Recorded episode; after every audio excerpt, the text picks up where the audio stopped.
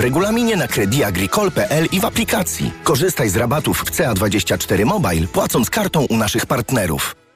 Dziś w Wyborczej poradnik zdrowotny. Operacja stawu biodrowego. Na czym polega? Jak się do niej przygotować? Co dostaniesz w ramach NFZ? Jak długa jest rehabilitacja po wszczepieniu implantu stawu? Poradnik zdrowotny dziś w Wyborczej i na wyborcza.pl. Jak sobota to... Pierniki norymberskie Faworina za złotówkę, naprawdę! Już w tę sobotę zrób zakupy w Lidlu za minimum 149 zł i odbierz pierniki norymberskie Faworina za złotówkę. Szczegóły oraz informacje o artykułach wyłączonych z akcji w sklepach oraz na www.lidl.pl. Na Black Weeks jeszcze nigdy nie było tak kolorowo. Odkryj najlepsze okazje roku w MediaMarkt. Odkurzacz bezprzewodowy Philips Aqua 3 w jednym. Taniej o 450 zł. Najniższa cena z 30 dni przed obniżką to 2449 zł. A tablet Lenovo Tab P11 taniej o 170 zł. Najniższa cena z 30 dni przed obniżką to 1569 zł. Dostępny też w 50 latach. RRSO 0% i do czerwca nie płacisz. Kredyt udziela Bank BNP Paribas po analizie kredytowej. Szczegóły w sklepach i na mediamarkt.pl. Reklama. Radio TOK FM. Pierwsze radio informacyjne. Informacje TOK FM. 12.21 Elżbieta Mazur-Bielat. Francja, Wielka Brytania, Holandia i Belgia zmagają się ze skutkami orkanu Kiren. Tylko we Francji wichury wyrządziły szkody, których naprawienie może kosztować nawet pół miliarda euro. W Anglii nadal obowiązuje ponad 80 ostrzeżeń powodziowych. Mówi Grzegorz Walijewski z IMGW. W wielu miejscach w zachodniej części Francji porywy wiatru przekraczały 170 km na godzinę. Na oceanie fale osiągały wartość nawet 21 metrów i to też są wartości potwierdzone. W kolejnych godzinach ten niż będzie również kształtował pogodę w Polsce. Na szczęście nie będzie aż tak niebezpieczny jak w e, zachodniej Europie. Najsilniej powieje w górach. Lekarzom w Kołobrzegu nie udało się uratować życia 21-letniemu obywatelowi Czech, który wraz z 23-letnią Słowaczką wypadł z balkonu na trzecim piętrze sanatorium Bałtyk. Kobieta przeszła poważną operację. Śledztwo dotyczy nieszczęśliwego wypadku. Prokurator informuje, że nie ma żadnych okoliczności wskazujących na to, że ktoś chciał obojga pozbawić życia albo by była to próba samobójcza. Czech i Słowaczka przyjechali do sanatorium Bałtyk w ostatni poniedziałek. Mieli rezerwację na dwie doby. We wtorek około dziewiątej rano wypadli z balkonu, upadli na betonowe podłoże. Śledczy zabezpieczają teraz monitoring, także ten w hotelu i urządzenia elektroniczne, jakie para zostawiła w pokoju. To są informacje TOK FM. W Katowickim Międzynarodowym Centrum Kongresowym przed południem rozpoczęły się targi książki w programie dziesiątki wydarzeń, spotkania ze znanymi autorami i stoiska blisko 250 wystawców. Na trzech scenach jednocześnie mają się odbywać spotkania autorskie, panele i debaty, a przy stoiskach będzie można zdobyć autografy pisarzy. Współgospodarzem targów są w tym roku Katowice, gościem specjalnym Wolna Białoruś. Tylko do niedzieli można składać wnioski o zwrot wpłat za niezrealizowane wycieczki do Izraela, przypomina Ubezpieczeniowy Fundusz Gwarancyjny. Mogą to zrobić podróżni i przedsiębiorcy. Jeszcze ważna podpowiedź, zwrot pieniędzy będzie możliwa, gdy będzie możliwy ten zwrot pieniędzy, gdy podróżny i organizator wyjazdu złożą wnioski, które będą zawierały takie same dane dotyczące niezrealizowanej wycieczki. A szczegóły w tej sprawie są na stronie internetowej Turystycznego Funduszu Gwarancyjnego. Kolejne informacje TOK FM o 12.40. Pogoda. Synoptycy ostrzegają przed ulewami w kolejnych regionach. Dzisiaj w całej Polsce zresztą deszcz, a na termometrach od 11 stopni na wybrzeżu do 16 w Rzeszowie. Radio TOK FM. Pierwsze radio informacyjne. Popołudnie Radia TOK FM. 12.24. Filip Kekusz. Jest z nami profesor Małgorzata Myśliwiec, Instytut Nauk Politycznych Uniwersytetu Śląskiego. Dzień dobry pani profesor. Dzień dobry panie redaktorze, dzień dobry państwu. A będziemy rozmawiać o sytuacji w Hiszpanii, gdzie wydaje się coraz bliżej utworzenia nowego rządu, ale coraz więcej jest też sprzeciwu ze strony coraz to nowych grup społecznych wobec warunków, na jakich ten rząd miałby zostać utworzony. Dotychczasowy premier Pedro Sánchez i jego hiszpańska socjalistyczna partia robotnicza e, składają koalicję większościową. E, poparła ich lewicowa partia Sumar i teraz, w środę, władze republikańskiej lewicy Katalonii również ogłosiły poparcie dla Sancheza, no ale cena wydaje się wysoka, bo ta partia uzależnia poparcie y, dla rządu Sancheza od amnestii dla organizatorów referendum niepodległościowego w Katalonii w 2017 roku. I przeciwko temu porozumieniu w niedzielę protestowało w Madrycie ponad 100 tysięcy osób, a teraz sprzeciw zgłaszają organizacje reprezentujące sędziów i policjantów i twierdzą, że umowa, na którą zgodził się Sanchez, to jest pogwałcenie konstytucji. Co na to prawdopodobny przyszły premier? E, to może do tej skomplikowanej układanki dodajmy jeszcze jeden element. Pan redaktor wspomniał tutaj o Bardzo chętnie. Sumar. Wspomniał pan redaktor o katalońskiej lewicy republikańskiej, czyli rzeczywiście dość e, wiekowym już ugrupowaniu liczącym około 100 lat, które popiera niepodległość tego regionu. Natomiast i rzeczywiście w środę ogłosili, że popierają e, rząd Pedro Sancheza, że, że, takiego wsparcia podczas głosowania mu udzielą. Natomiast do tej układanki należy dodać jeszcze partię Junts, to jest też partia katalońska, reprezentowana przez byłego e, premiera regionu, czyli Carlesa Puigdemonda, który ogłosił niepodległość Katalonii w 2017 roku, później ją zawiesił, a ostatecznie uciekł do Brukseli, no i w chwili obecnej pełni tam funkcję E, eurodeputowanego i to właśnie partia Junts i Carles Puigdemont y, tworzą największe napięcie. W czwartek wydawało się już, że po deklaracji katalońskiej lewicy republikańskiej wszystko będzie jasne i pójdzie w miarę gładko. Rzeczywiście miała zostać zarejestrowana ustawa o amnestii, na którą zgodził się rząd Pedro Sancheza. Natomiast w czwartek partia Junts postawiła nowe warunki, stwierdziła, że te warunki określone w projekcie ustawy ustawy są y, dla nich niewystarczające, chcą dalszych negocjacji, y, no a czas y, ucieka. Rzeczywiście to wszystko dzieje się w bardzo specyficznym momencie hiszpańskiej historii. Mianowicie dzień przed wszystkimi świętymi, 31 października, 18 e, urodziny obchodziła księżniczka Eleonora, która złożyła przysięgę na wierność konstytucji i została ogłoszona regentką Hiszpanii.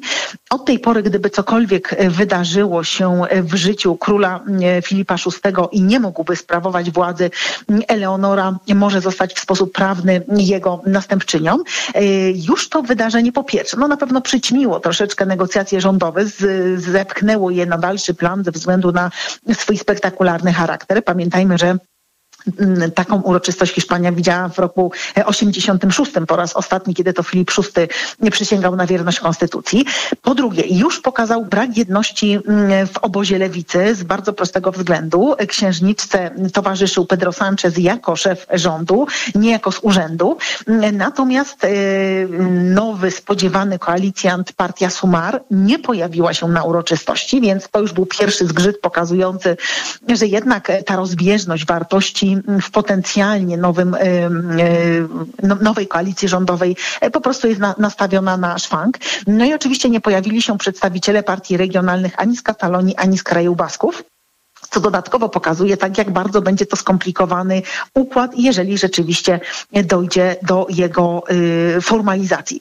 Rzeczywiście czekamy w tej chwili na ostateczną decyzję Carlesa Puigdemonda. Y, już ta, dlaczego w ogóle o tej uroczystości związanej z księżniczką Eleonorą wspomina?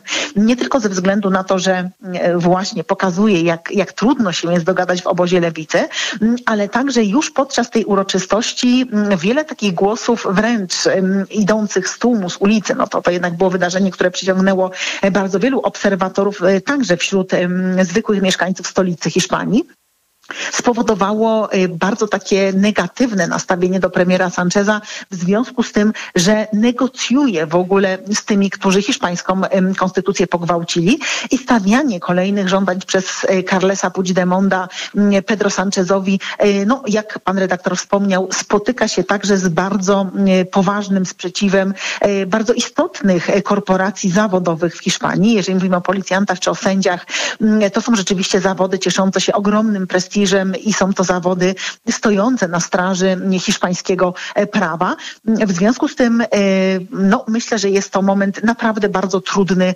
dla premiera hiszpańskiej partii socjalistycznej. Bardzo chciałbym o księżniczce Eleonorze porozmawiać, ale jednak Carles Puigdemont nam chyba ją e, odrobinę przyćmił, więc trochę zastanawiam się, jak tak e, pani profesor mówi o tym, co robi Carles Puigdemont oraz pamiętając to, co robił w 2017 roku, to czy kiedy do, do tej umowy ewentualnie dojdzie, mimo sprzeciwu różnych grup społecznych czy zawodowych, sędziowie i policjanci, e, to czy, to czy to będzie skórka warta wyprawki? To znaczy, czy Puigdemont i jego partia będą rzeczywiście y, koalicjantami, na których można polegać, czy za kilka miesięcy to się i tak rozpadnie i znowu będziemy mieli chaos? Po pierwsze zobaczymy, jak będzie wyglądało głosowanie w parlamencie. Pamiętajmy o tym, że e, tradycją hiszpańskiego systemu politycznego są rządy mniejszościowe. W związku z tym pamiętajmy, że Carles Puigdemont nie negocjuje z Pedro Sanchezem umowy koalicyjnej. On w zasadzie negocjuje z nim tylko i wyłącznie poparcie e, w głosowaniu nad udzieleniem wotum zaufania. Tak czy owak rząd Pedro Sancheza i Jolandy Diaz będzie rządem mniejszościowym, E, I tak na dobrą sprawę każda decyzja polityczna będzie wymagała tutaj negocjacji e, przede wszystkim z Katalończykami, którzy w tej chwili tak twardo e, stawiają swoje warunki. No i czy to pozwoli na skuteczne rządzenie? Można mieć tutaj ogromne wątpliwości.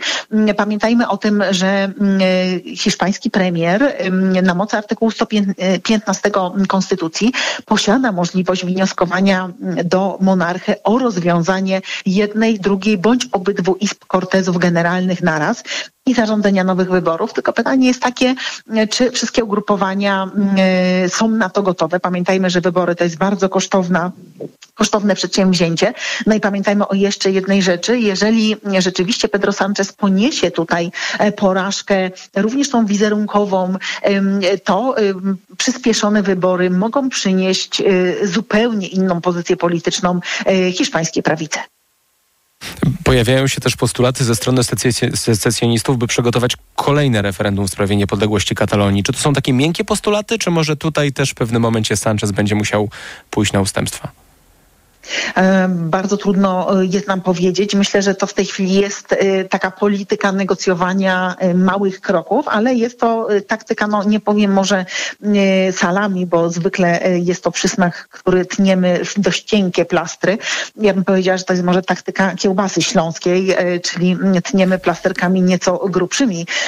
I rzeczywiście te kolejne żądania bez wątpienia będą się pojawiały. Jeżeli już podczas negocjowania wyboru prezydenta prezydium Izby postawiono wniosek języków regionalnych i rzeczywiście Zostało to uznane w chwili obecnej w Izbie Niższej Parlamentu Hiszpańskiego. Można nimi się posługiwać. Zresztą podczas uroczystości składania przysięgi przez następczynię tronu również te języki regionalne wybrzmiały. Widzimy, że to działa. Jeżeli teraz e, Carles Puigdemont postawiłby na swoim, jeżeli chodzi o ustawę dotyczącą amnestii, no to możemy się spodziewać, że kolejne żądania również przed każdą bardziej znaczącą decyzją polityczną będą się pojawiały. I wcale nie wykluczam, że może to być ta najbardziej znacząca dla Katalończyków, czyli żądanie przeprowadzenia legalnego i kolejnego referendum niepodległościowego. Na horyzoncie mamy kryzys polityczny, kryzys społeczny i wydaje się, że kryzys międzynarodowy, bo chyba Unia Europejska nie przyklasnęłaby temu referendum. Myślę, że Unia Europejska, która w tej chwili jest przytłoczona wieloma sprawami, jak chociażby wojna w Ukrainie, jak chociażby e, konflikt pomiędzy Izraelem i strefą gazy e, i jeżeli spojrzymy na sprawy hiszpańskie, to chociażby e, ogromny problem z nielegalnymi imigrantami, którzy docierają z Afryki na Wyspy Kanaryjskie. To są z pewnością tematy, których Unia Europejska nie może w tej chwili, mówiąc bardzo kolokwialnie, odpuścić. W związku z tym pozwolenie na y, eskalację problemu w regionie, który wydawałby się dość stabilny, z pewnością y, nie byłoby na rękę europejskim politykom. A jak od 2017 roku kształtowało się w Katalonii to poparcie dla secesji? Bo te wyniki sprzed 6 lat to było y, nieco ponad 43% frekwencji, 92% głosów za. Nie jest to mocny mandat, ale też było mnóstwo kontrowersji wokół tego plebiscytu, więc wyobrażam sobie, że część y, Katalończyków mogła po prostu do urny na wszelki wypadek nie iść. No to może rozpocznijmy od tego, że trudno jest te dane mm, rozpatrywać y, w bardzo obiektywny sposób. Y, po pierwsze, dlatego, że to referendum nie zostało przeprowadzone w warunkach, y, które są charakterystyczne dla referendów w państwach demokratycznych. Po pierwsze, odbyło się nielegalnie, odbyło się niezgodnie z hiszpańską konstytucją, co oznacza, że nie mogli w nim wziąć udziału wszyscy, którzy w procedurze demokratycznej być może chcieliby zagłosować. Trudno się zatem dziwić, że ci, którzy byli tak bardzo zdeterminowani, e, to byli głównie ci, którzy chcieli niepodległości Katalonii. Oni zagłosowali za i stąd ten bardzo wysoki wynik mm, samego referendum. E, ile osób, które chciało się wypowiedzieć, a nie uczestniczyło w tym wydarzeniu, no trudno jest na to pytanie nam odpowiedzieć. E, myślę, że tutaj mm, ważnym mm, wskaźnikiem są pewne sondaże, które są prowadzone przez różne pracownie i podmioty prowadzące badania naukowe. Rzeczywiście e, w momencie, kiedy przeprowadzono plebiscyt i tuż po nim to poparcie dla idei niepodległości było znacznie większe. Ono przekraczało nieco 50%. To, to były takie wyjątkowe momenty tak, w tej historii, a później rzeczywiście znacząco spadło. Pamiętajmy o tym, że z Katalonii po tym nieudanym referendum nie tylko uciekł Carles Puigdemont, ale także około 3000 firm, co e, z pewnością i dla wizerunku takiego raju biznesowego w Europie mm, było bardzo potężnym ciosem, nie wspominając już oczywiście o mm, znaczących stratach gospodarczych, o stratach, które ponieśli mm, mieszkańcy regionu. Mówimy tutaj o realnych miejscach pracy, i tak jak powiadam o pewnym wizerunku miejsca przyjaznego e, dla prowadzenia działalności gospodarczej, e, z którego Katalonia słynęła. Fantastyczna pogoda, fantastyczne warunki naturalne, no i oczywiście znakomite przez e, ponad dwie dekady warunki do zakładania i prowadzenia tam firm.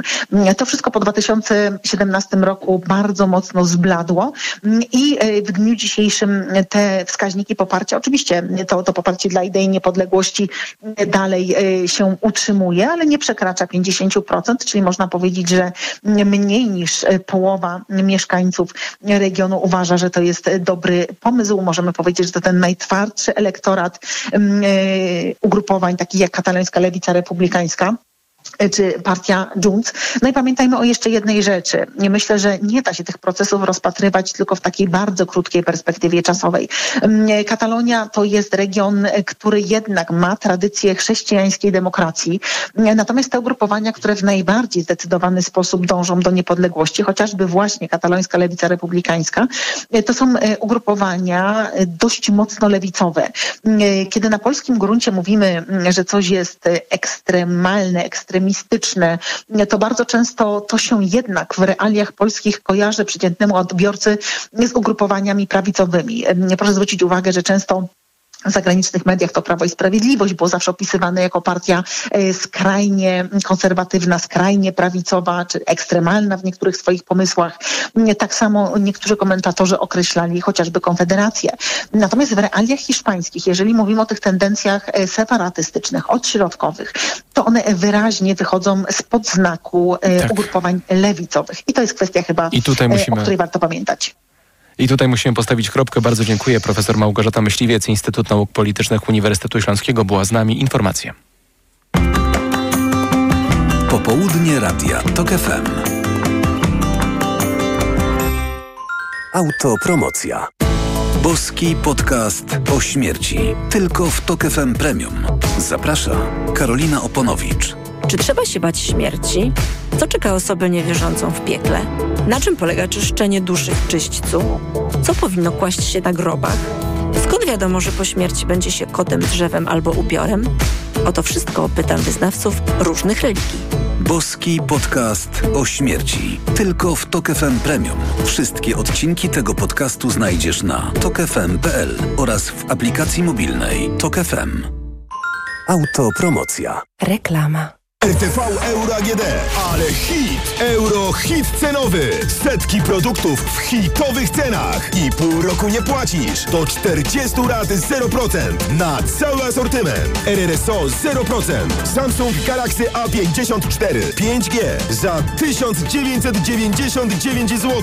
W 40 latach tylko 50 zł miesięcznie. Promocja ratalna do 14 listopada. Szczegóły i regulamin w sklepach i na euro.com.pl. Badania profilaktyczne to skuteczna broń w walce z nowotworami. Morfologia, kolonoskopia, badanie znamion, wizyta u urologa. Jeśli nie pamiętasz, kiedy ostatnio robiłeś przegląd zdrowia, nie czekaj, umów się na badania. Bądź szybszy od raka. Badaj się, by żyć. Więcej na planujedługieżycie.pl. Kampania Ministerstwa Zdrowia.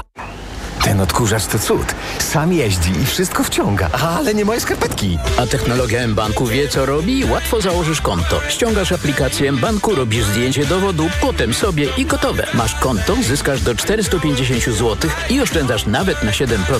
M-Bank. Technologia do usług. To nie jest oferta. Sprawdź warunki wzięcia udziału w promocji i otrzymania premii w regulaminie promocji Zyskaj premię z e-kontem osobistym 2 na mbank.pl ukośnik przez aplikację. Wyjaśnienia pojęć dotyczących usług objętych tym materiałem znajdziesz na mbank.pl ukośnik słowniczek. Porozmawiajmy o zakładaniu firmy. Jest z nami Radek Kotarski. Panie Radku, czy zna pan słowo infakt? Oczywiście, że tak. Co to znaczy infaktować? Infaktować to prowadzić firmę bez zmartwień. A ten, kto infaktuje? Ten wystawia faktury w aplikacji Infakt, a księgowy z Infaktu dba o porządek w księgowości. Infaktycznie. Załóż firmę bezpłatnie i bez wychodzenia z domu na infakt.pl. Infakt. Zakładanie firm i księgowość w jednym miejscu. Polecamy. Wodek Markowicz i Radek Kotarski. Film, który mądrze uczy o wartościach. Kajtek Czarodziej. Adaptacja uwielbianego dzieła Janusza Korczaka. Trzeba myśl połączyć z sercem. Kajtek Czarodziej. Zaczaruje Was od 3 listopada tylko w kinach. Hej, IKEA! Jak to jest, że przy tym stole jeszcze niedawno robiliśmy studenckie imprezy, a dzisiaj nasze dzieci odrabiają przy nim lekcje? Nasze meble są takie dzięki solidnemu wykonaniu w polskich fabrykach, bo co piąty produkt IKEA dostępny na świecie powstaje właśnie tutaj. Współpracujemy już od 62 lat, żeby razem tworzyć IKEA. Dobrze pomyślane i dobrze wykonane. Tak, Polsko. To znaczy dziękujemy. IKEA. Lepiej pomyślany dom. Dziś w Wyborczej poradnik zdrowotny. Operacja stawu biodrowego. Na czym polega? Jak się do niej przygotować? Co dostaniesz w ramach NFZ? Jak długa jest rehabilitacja po wszczepieniu implantu stawu? Poradnik zdrowotny dziś w Wyborczej na wyborcza.pl. Sztuka tego, co dobre, to nie zadowalać się byle czym, tylko cieszyć się wyjątkową jakością dań, aż o 20% taniej. Tylko teraz z cateringiem dietetycznym Matchfit masz wysoką jakość w super cenie. Zamów w aplikacji lub na matchfit.pl. Reklama. Radio TOK FM. Pierwsze radio informacyjne. Informacje TOK FM.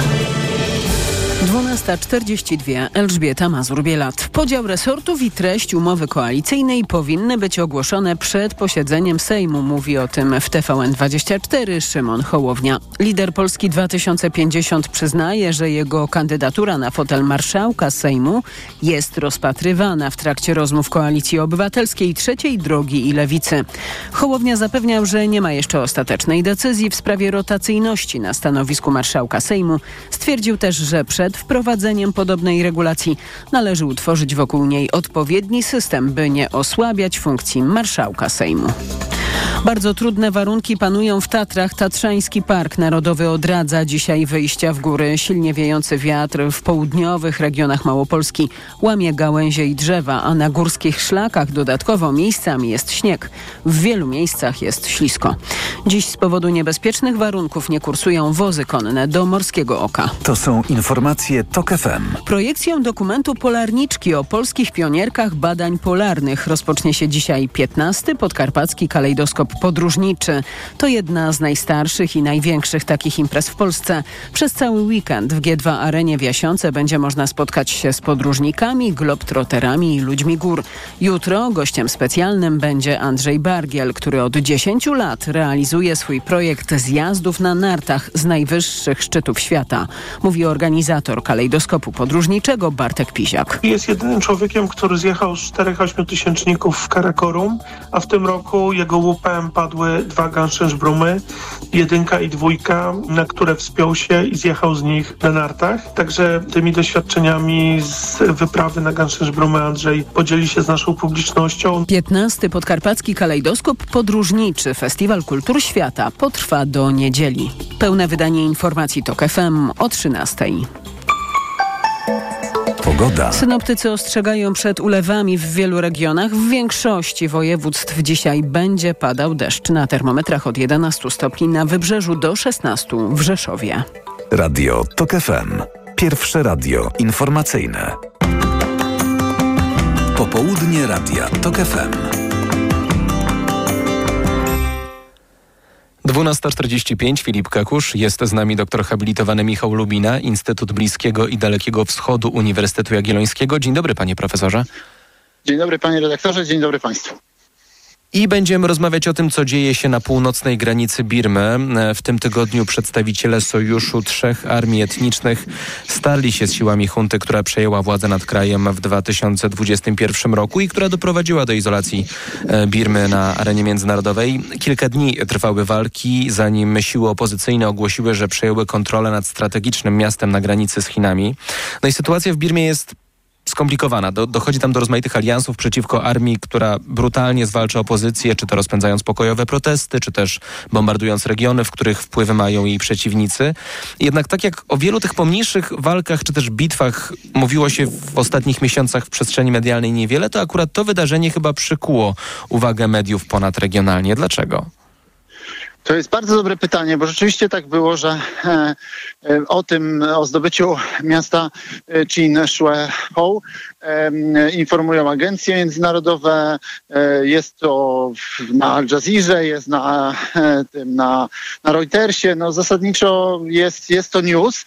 Natomiast z punktu widzenia birmańskiego to nie jest jakaś, jakaś rzecz przełomowa, dlatego że tego typu dynamika na pograniczu chińsko-birmańskim i w ogóle w wielu innych obszarach tego kraju jest w pewnym sensie rzeczą codzienną. To znaczy miasta czy miasteczka przechodzą z rąk do rąk, raz je kontroluje junta birmańska, raz je kontrolują różni, różni partyzanci etniczni. Także, także no, no jakby okej, okay, to miasto jest jednym z pięciu punktów granicznych z Chinami, natomiast pozostałe cztery kontroluje dalej junta, więc, więc to, to jakby z punktu widzenia wewnętrznej dynamiki birmańskiej to nie jest żaden przełom. Natomiast rzeczywiście to wydarzenie w przeciwieństwie do powiedzmy 30 innych, które miały miejsce od 2021, od zamachu stanu, to wydarzenie przekuło uwagę mediów. I teraz wydaje mi się, że z dwóch powodów. Po pierwsze dlatego, że bardzo ostre oświadczenie wydały Chiny. Chiny wydały oświadczenie wzywające do natychmiastowego wstrzymania ognia i do negocjacji. I jak to zwracali uwagę e, różni e, komentatorzy, tak ostrego oświadczenia Chiny nie wydały nigdy na temat wojny rosyjsko-ukraińskiej. A na temat walk e, na pograniczu chińsko-birmańskim już tak. No co jest w pewnym sensie zrozumiałe, bo Ukraina jest daleko, a Birma jest blisko dla Chin. Natomiast co jest jeszcze istotniejsze, to to, że bardzo blisko są również dwie ważne rury, to znaczy gazociąg i ropociąg chiński. No i to powoduje pewne zirytowanie towarzyszy chińskich, bo birmańczycy, mniejszości etniczne mogą się tam wzajemnie mordować, bić i co jeszcze, natomiast no, byle nie nad rurą chińską, więc to jest, to jest pierwsza rzecz. I moim zdaniem to jest, to jest e, zasadnicza, a ta druga no, powiązana jest taka, że mam wrażenie, że z jednej strony świat już trochę przywykł do tego, co pan nazwał skomplikowaną sytuacją. To jest oczywiście niezwykle eufemistyczne określenie. To by potrzeba było porządnego wykładu, żeby omówić wszystkie te grupy etniczne, ich, ich, ich dynamikę walki z huntą i tak dalej. No ale jednocześnie świat też już trochę jest tego zmęczony. Wszyscy chcieliby tą huntę obalić i żeby ona przegrała a ona jednak nie przegrywa, nie wygrywa też, żeby była jasność, bo tu można na to patrzeć z punktu widzenia szklanki do połowy pustej i pełnej. No ale teraz wreszcie coś straciła. Wreszcie straciła jakieś miasto, no więc jest takie poczucie, że no może to się zacznie już ten upadek hunty. No o, wydaje mi się, że jeszcze nie. Natomiast y, no, nie, nie, niewątpliwie mała rzecz cieszy.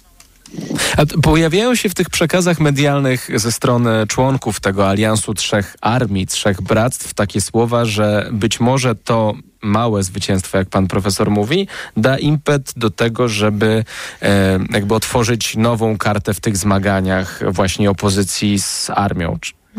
Z tego, co pan profesor mówił, wynika, że nie za bardzo. Znaczy, to musimy pamiętać o tym, że tak naprawdę bardzo mało wiemy na temat sytuacji wewnętrznej. Zawsze był kraj niezwykle zamknięty.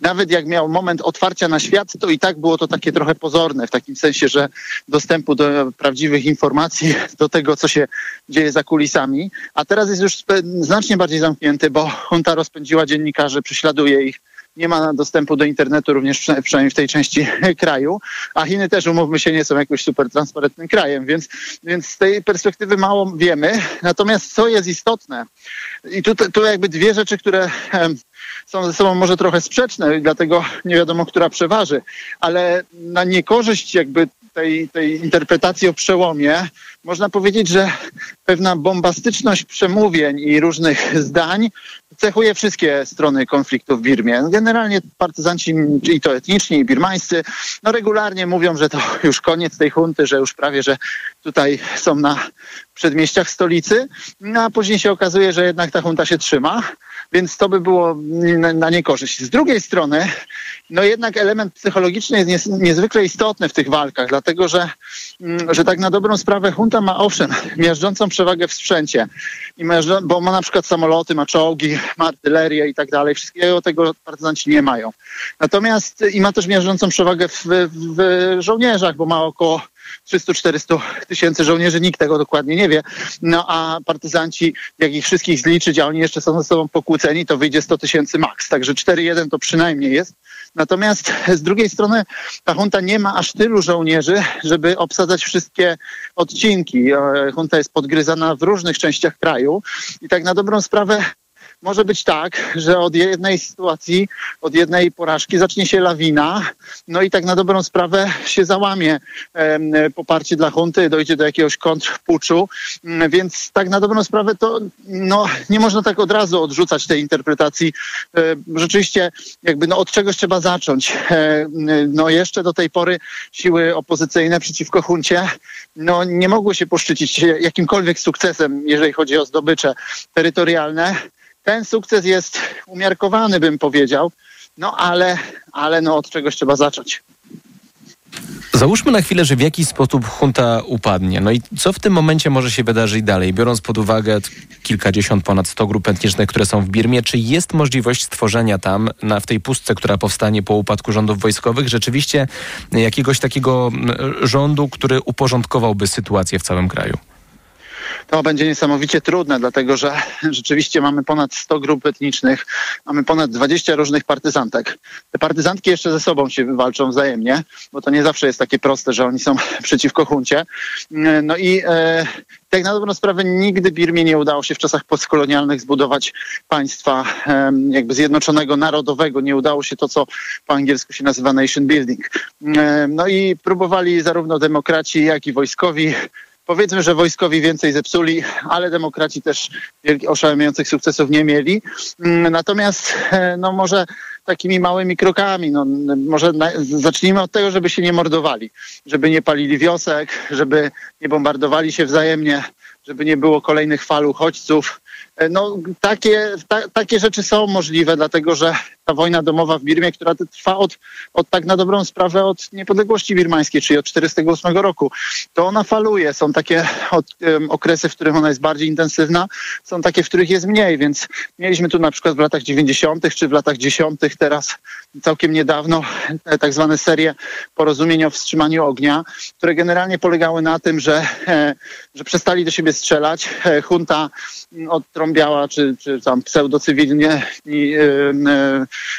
politycy odtrąbiali sukces te partyzantki mniejszości zatrzymywały broń, zatrzymywały kontrolę nad tym terytorium, jednocześnie dzieliły się wpływami, zyskami z różnych e, kopalni, a to jadeitu, a to innych mm, z, z huntą, no ale dla ludzi było lepiej, bo przynajmniej nikt do nich nie strzelał, nikt nie bombardował, także myślę, że może ten krok najpierw, no a potem to trzeba by się poważnie zastanowić. Hunta jest rzeczywiście tutaj problemem w tym sensie, że obecna junta jest, to, są, to jest e, frakcja ultrakonserwatywna w armii birmańskiej. Jeszcze poprzednia frakcja, która rządziła w poprzedniej dekadzie, to ona generalnie była skłonna do, do jakichś ustępstw. Mieliśmy 10 lat transformacji ustrojowej, mieliśmy nawet 5 lat względnej demokracji, no ale niestety zostali obaleni ci generałowie umiarkowani przez tych e, ultra, ultra e, twardogłowych. No i, no i efekt tego jest taki, że tu za bardzo nie ma z kim gadać w tej obecnej huncie, no więc trzeba ich odsunąć od władzy. A w zasadzie to, to też jest trudne, no bo ta przewaga jednak zbrojna jest ogromna obecnej um, armii birmańskiej, no ale to trzeba jakby doprowadzić niektórych generałów do tego, żeby do, dokonali kontrpuczu.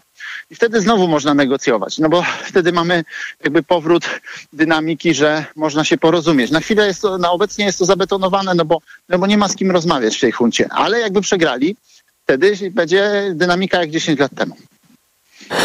Bardzo dziękuję. Doktor habilitowany Michał Lubina, Instytut Bliskiego i Dalekiego Wschodu Uniwersytetu Jagiellońskiego e, był z nami. Na tym kończymy popołudnie Radia Tok FM. Tę część popołudnia Radia Tok FM w piątek 3 listopada. Na dalszą część zaraz po informacjach Radia Tok FM zaprosi Państwa Anna Piekutowska. Wydawcą ostatniej godziny był Tomasz Kopka, realizatorem Maciej Golczyński. Ja nazywam się Filip Kakusz. Spokojnego dnia, spokojnego weekendu. Popołudnie Radia Tok FM.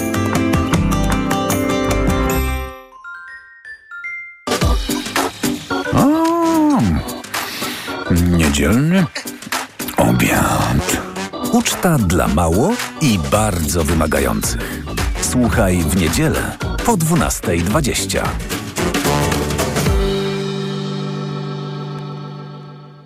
Sponsorem audycji jest Insignis Media, wydawca książki Jamie'ego Olivera Pięć składników po śródziemnomorsku. Łatwe, niezwykłe dania.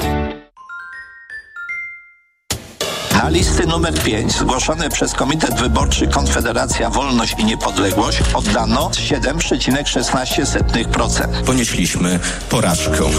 Mieliśmy wywrócić ten stolik i wszystko wskazuje na to, że się nie udało.